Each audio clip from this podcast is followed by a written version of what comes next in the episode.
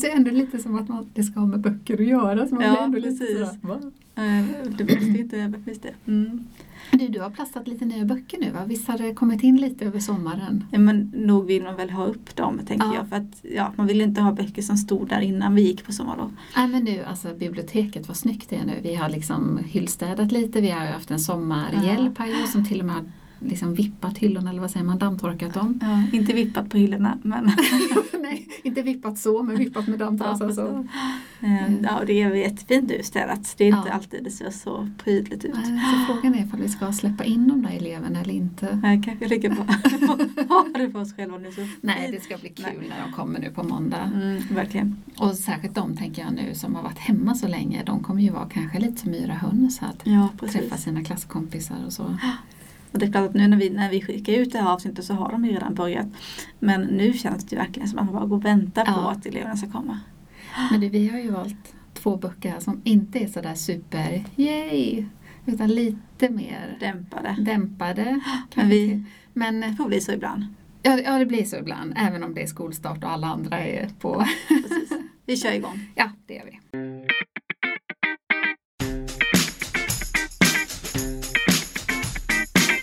Den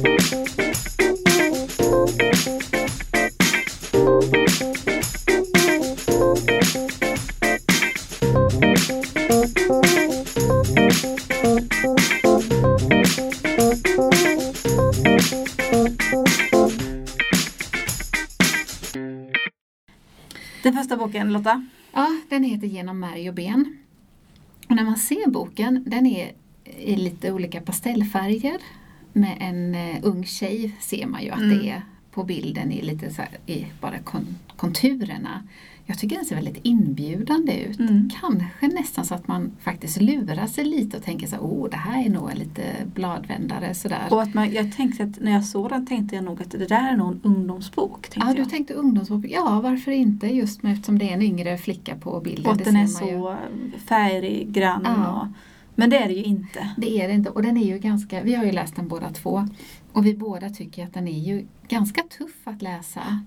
Och det beror ju dels på att man får följa, det är inget tydligt jag i boken utan det är en släktkrönika. Och man får följa tre generationer. Det är mormor och morfar och sen så är det en dotter som heter Iris och hennes, vad ska man säga? Ja, den som hon hamnar med kanske Den- man kan säga. ja. Pojkvännen som hon hamnar med. Ja, Inte jättegenomtänkt kanske Nej. men. och så får de ju ett barn som heter Melody. Så det är tre generationer.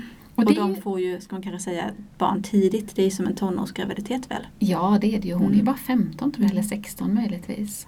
Men för att vara en släktkrönika så är den ju väldigt kort. Den är ju bara typ 180 sidor eller någonting sånt där. Inte sådana tegelstenar som man tänker när det är en släkt på, ja vi får följa nästan 100 år. Mm.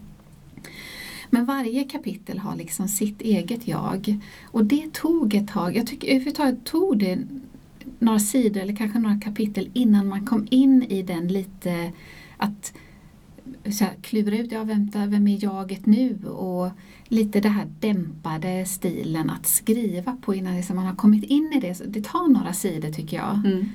Så det är ju det som kanske gör boken inte så lättläst. Men annars, är det en handling? Ska vi säga någonting om den? Ja, det börjar ju egentligen när den här yngsta då ledet i den här släkten, som är, hon heter Melody, hon men hon är väl i den åldern va? Är hon, Hon är 16 precis eller som sin mamma var när mamma Ja. då födde henne. Och Mm. det är ju nästan som, jag vet inte om man kan kalla det nästan någon konfirmation eller någon Mm. studentgrej men hon det blir som en liten fest, det är nästan som en liten ceremoni att det är som ett vuxenblivande för henne och hon ska ha en fin klänning på sig. Och det är ju samma klänning ju som egentligen mamma skulle haft på hennes motsvarande. Fast då kunde ju inte hon Ja. det för att hon väntade För barn. hon var gravid Ja. och så hon fick aldrig göra det här. Nej. Den här vuxen, typ lite konfirmationsceremoni eller vad man kan kalla det för. Så hon fick aldrig ha den klänningen på sig men nu ska dottern ha den och det är nästan så att man anar en liten bitterhet från mamman där, alltså Ja. Iris. Ja. Eh, att hon fick inte göra detta därför att hon var gravid. Eh, och där började det ju någonstans och sen blir det ju via då Melody och sen är det till mamman Iris och pappan, den här också unga pappan Aubrey. Och sen är det Iris föräldrar så man får som du säger lite ett kapitel i taget Ja. nysta upp lite grann bakgrunden till de här personerna och så. Och den personen som man kanske lär känna mest skulle jag nog säga är Iris. Hon kanske till och med får några fler kapitel Det än de andra. För det är hon som man känner är kanske det starkaste jaget Mm. i berättelsen. Eh, och nu har vi ju faktiskt inte glömt, men det är ju en svart familj i USA Mm. som man ju får följa då under hundra år. Och det, det är ju en klasshistoria där den här familjen med då mormor och morfar eh, flyr kan man Mm. säga södern och flyttar till New York och liksom arbetar sig uppåt till ett medelklass. Mm.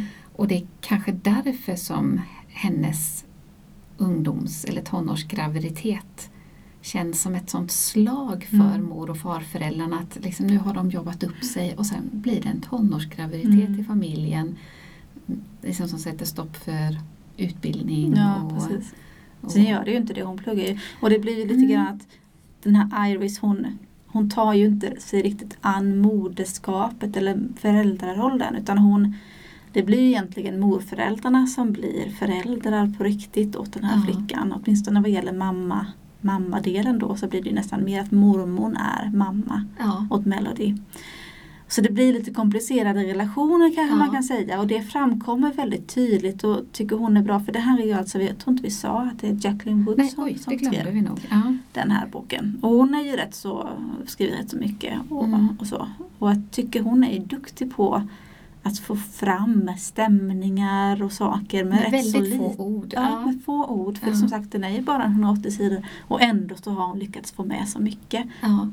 Jo men man, man lär ju verkligen känna de här personerna i det. Man kan riktigt, eh, man, man ser dem liksom framför sig och vilka typer av personligheter de är, hur de pratar och intressen och sådär. Mm. Så hon är otroligt skicklig på det. Och det var Och- flera sådana där formuleringar som jag tänkte på när jag läste. Att åh, så fint formulerat. Jag tänkte en sak som fastnade hos mig så var det Det är rätt så mycket i början. Jag tror att det är Aubreys, alltså den unga pappan. Han är väl, nu är han ju typ 30. Ja. När, när den här dottern då ska, hon kommer ner för trappan i sin fina klänning. Och så står familjen där nere då och väntar på henne och det ska vara lite dans och sådär och lite musik och, och så. Eh, och så kommer hon ner och han ser, men han beskriver det som att han inte riktigt känner igen den här människan som är hans dotter. Alltså det här att jag kan tänka mig just Mm. när man ser någon växa upp och man tänker sig, man, se- man ser hur personen förändras men man ser fortfarande den Ja. lilla, det lilla barnet. Och Och har- plötsligt ja. kanske man får en, in, en så här epifani, eller, oj men vem är det där? Mm. Ja. Alltså vad har hänt? Och det tyckte jag var så ett sånt ögonblick där man bara kände att det snörpte till hjärtat lite grann på mig. Men- Och den scenen, jag kommer ihåg den scenen för att han pratar om sina händer. Kommer du ihåg Ja, det? just Och det. det tycker jag också är Han så. vet inte vad han ska göra Han vet av inte vad han ska göra av händerna och så jämför han det med en kvinna som, för jag tror han står bredvid Iris, då, mamman. Mm. Och en kvinna kan liksom hålla händerna knäppta framför sig eller så, här, men det, det ser kanske dumt ut på namn. Jag har aldrig Mm, tänkt riktigt nej. på det. Men han har sånt, varför lär man sig inte det här, var en man ska hålla sina händer? Nej, det blev en sån där grej Ja, när han... Och man alltså det blir väl någon slags känslosamhet Ja, i verkligen. situationen och han vet inte vad han ska göra av sig själv riktigt. Så han, Ja. Vad ska jag göra av mina händer? Han sätter jättemycket fokus på det, ja. Och det är, ju, det är nog det kapitlet ju man lär känna den unga pappan bäst. Ja, han får inte jättemycket utrymme sen egentligen. Utan sen handlar det mycket om Iris och när hon pluggar vidare. Och, Mm. Man får ju en liten hint av honom att han eh, är uppvuxen, tror jag, i New York. Att hans mamma är Mm. Kanske till och med prostituerad. Men jag vet inte om jag klurade det rätt. Men Nej. det kan nog vara så. Men att han är uppvuxen liksom mer fattigt ju Ja. än Iris. och bara med sin mamma, ju och inte någon bara pappa. med sin mamma. Men, och det är en scen där när han för första gången tar hem Iris till sin mamma och Iris ser hur han är, har växt upp i det här lilla skyffet som är deras lägenhet och det är väldigt smutsigt i lägenheten. Och det är första gången som han eh, inser Mm. att han faktiskt har levt så här fattigt och smutsigt Mm. och sådär. Så när han ser det i någon annans ögon är första Mm. gången han liksom uppmärksammas på det. Det tycker jag också är en ganska fin scen i Mm. att man uppfattas, eller man, man lär känna sig själv genom andras ögon. Ja, lite precis. det. Ja. Det är mycket sådana där scener, eller- eller vad man ska säga, i den som jag tycker är fina och det är välskrivet och det, det är Ja men som vi sa där, rätt så få ord eller korta sekvenser som ändå säger rätt så mycket. Mm, mm, absolut, hon är en fantastisk författarinna. Men kanske inte, man behöver nog kanske lite läs... Ja, jag tror eh, inte att det här är någonting man läser om man inte är van läsare eller om man brukar läsa lite mer för underhållningen bara eller slentrian utan det här är någonting som ändå kräver lite Mm. eftertanke Mm. och lite läsa mellan rader och så. Ja, och man får liksom bestämma sig för att andas djupt och, och läsa lite lugnare. Den är ju svår att läsa för fort. Ja. Man behöver sin tid. Precis. i- Jag har med mig en ungdomsbok som också är lite det här lågmälda, rätt så allvarliga temat. Ehm, också en tunn bok men som hinner med rätt så mycket. Och det är eh, en bok som heter Det är någonting som drar i mig. Och det är Elin Persson som har skrivit den. Och hon blev väldigt uppmärksammad för ett par år sedan för hon skrev en bok som heter De afghanska sönerna. Som jag faktiskt inte har hunnit läsa. Den har stått på min att läsa-lista länge men jag har aldrig kommit till den. Men nu kom hon med en ny så tänkte jag men då läser jag den. Um, och den handlar om Andrea. Och Man får faktiskt inte hennes namn förrän rätt så långt in. Jag fick leta länge innan vad var det hon hette. För hon, det är jag-perspektiv så det är hennes berättelse. Och hon berättar, det börjar egentligen med henne och hennes kompis Anja. De är i 12-årsåldern och precis ska sluta sexan och börja högstadiet. Och de har som, jag tror de låg på BB tillsammans, deras mammor. Så de var liksom födda samma tid och har verkligen följt varandra. Och de är uppvuxna i en rätt så liten stad, nästan som en liten håla. Kanske någonstans eh, lite norrut i Sverige men någonstans lite inland, lite avlägset sådär. Eh, litet ställe.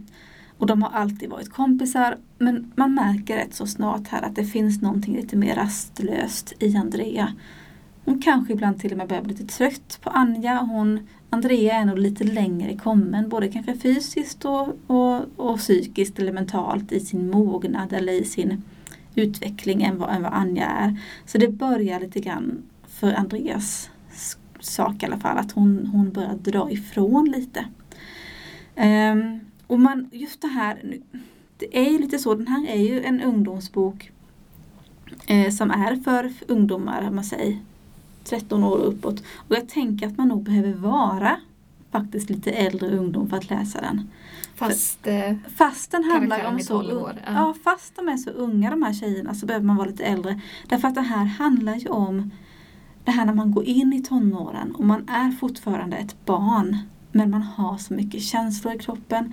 Det finns en oro i kroppen. Man märker, upptäcker sex och sexualitet. Man kanske börjar känna liksom den typen av känslor. Man känner definitivt av hur andra ser på en och att i den åldern, man förstår att Andrea kanske är rätt så välutvecklad för en 12-åring.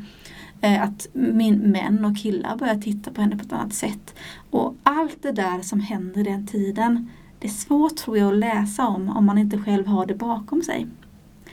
Eh, så jag tänker att fast det här handlar om så unga personer så ska nog inte det avskräcka tror jag. Att man läser den som, som ungdom eller som ung vuxen. För jag kunde verkligen känna igen mig mycket i detta. Att, ja, men den där osäkerheten och otryggheten samtidigt som man inte vet vem man är.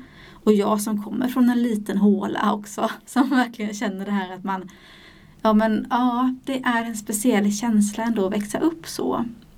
Eh, och det som, vad ska man säga, utvecklingen i boken är att e, ehm, Andrea då hon bor med sin mamma. Pappan har försvunnit, man vet inte exakt varför. Men hans bilar står kvar hemma och, och rostar bort i stort sett. Och mamman har blivit arbetslös. Också som en konsekvens av att man kanske man lägger ner saker på landsbygden och så. Hon var sjuksköterska eller någonting som jobbade på vårdcentralen och sen togs den bort.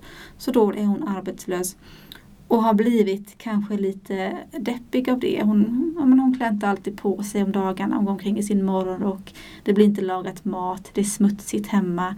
Ehm, så Andrea känner lite skam över det här. Hon vill inte gärna att Anja kommer hem. Hon vill helst inte att Anjas mamma, som är en rätt så ja, men, karriärskvinna, hon är chef någonstans och, och så, vill helst inte att hon ska träffa Andreas mamma och att hon ska se hur hon står där i sin utvättade t-shirt som det kanske är en fläck på och sådär.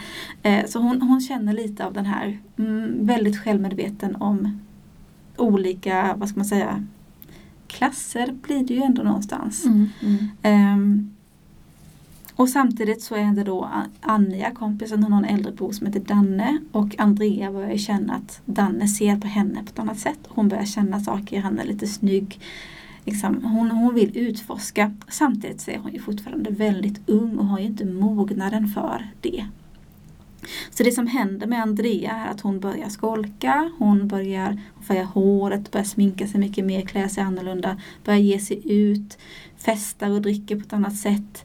Um, och ehm, hon går till den här ungdomsgården som finns, dit går hon själv en kväll och bara på, man ser vem hon träffar och det är nästan som man känner att hon hela tiden, vad ska man säga, jag kände lite obehag i boken. Att det känns som att när som helst så kommer det hända någonting. Mm. När som helst kommer hon råka ut för någonting. Eh, och att det är som att hon hela tiden utmanar världen på något vis ge mig vad du har liksom. Jag vill att någonting ska hända. Mm. Och man är nästan hela tiden rädd för att någonting kommer hända och det kommer inte bli bra. Um, så det blir en hel del, ja, men hon börjar hångla med den och börjar umgås med den. Eh, och man märker då hur Anja inte riktigt förstår det här. Eh, att eh, man skulle vi inte hem och kolla på Pocahontas eller någon sån här film som de har kollat på sedan de var små. Och det räcker inte längre för Andrea. Hon, hon måste vidare från det. Um, så att jag tycker att den har rätt så mycket som man kan diskutera och som jag tänker att man kan själv känna igen sig i när man ser tillbaka på sin egen tid som 12-13-åring. Och just den här eh, skiljelinjen med att gå från mellanstadium till högstadium. Och jag tror att boken egentligen bara utspelar, utspelar sig under några månader precis i samband med avslut på sexan och under sommaren fram till sjuan då. Eh, så jag tyckte verkligen att den har rätt så mycket som man kan tänka på. Jag tycker titeln är väldigt bra nu när jag har hört dig berätta ja. om den. Den fångar ju verkligen det, det är känslan som, i. Det är någonting som drar i henne. Ja. Eh, och det är det ju i den åldern. Och att, men att det kanske är så olika och som sagt för henne så händer det där och då men Anja är inte där än. Och när man då har varit så tajta, vad gör det med vänskapsrelationen och så. Så jag tycker det händer mycket i den fast den är så lågmäld. Um, och jag tänker mig att det är en sån bok som kanske den är lite otacksam att sälja in så att säga. För jag tror inte att så många kanske kommer plocka den i hyllan och läsa den för att ja, det är inte en sån det är inget, inget fantastiskt äventyr någonstans, det är ingen spänning på det viset. Men ändå en spänning i att man hela tiden anar att någonting kommer hända, mm. men man vet inte vad. Um, men jag tänker att det finns mycket man kan reflektera i och just se tillbaka på sin egen, sitt eget vuxenblivande. Man säger att man är 17-18 nu, hur var det själv när man var 12? Kan man känna igen sig? Hur är det för flickor generellt i den åldern? När man sexualiseras utan att kanske var egentligen mogen för det. Man vill utforska men eh, det finns inte så mycket trygga scenarier att göra det i. det låter som en bok som man skulle kunna ha att samtala om. Jag tror att läsa det. i grupp eller mm. läsa kanske tjejer i grupp. Jag tror det. Och sen tror jag att trots att den är rätt så tunn och inte eh, särskilt komplicerad i berättarsättet så finns det mycket tror jag att titta på och analysera i den som man kanske behöver ha ett samtal kring för att få fram. Mm. Jag tror att om man läser den själv bara så kanske man inte kommer dit. Nej. Men det är ju så med vissa böcker mm. att de kräver lite samtal, samtal helt, helt enkelt. Ja, ja. För att man ska verkligen förstå. Um, så att jag, jag gillade den. Ja. ja, men då har vi ju två böcker som vi faktiskt tyckte var väldigt ja. bra. Men eh, för rätt läsare för rätt, och rätt sammanhang. Ja, precis. Mm. Yes. Då det var allt för denna gång. Får vi se om vi kan, nästa kanske vi har lite något lite roligare eller ja, någonting sånt. det får mm. vi satsa på. Yes. Tills ha det bra så länge. Hej. Hej.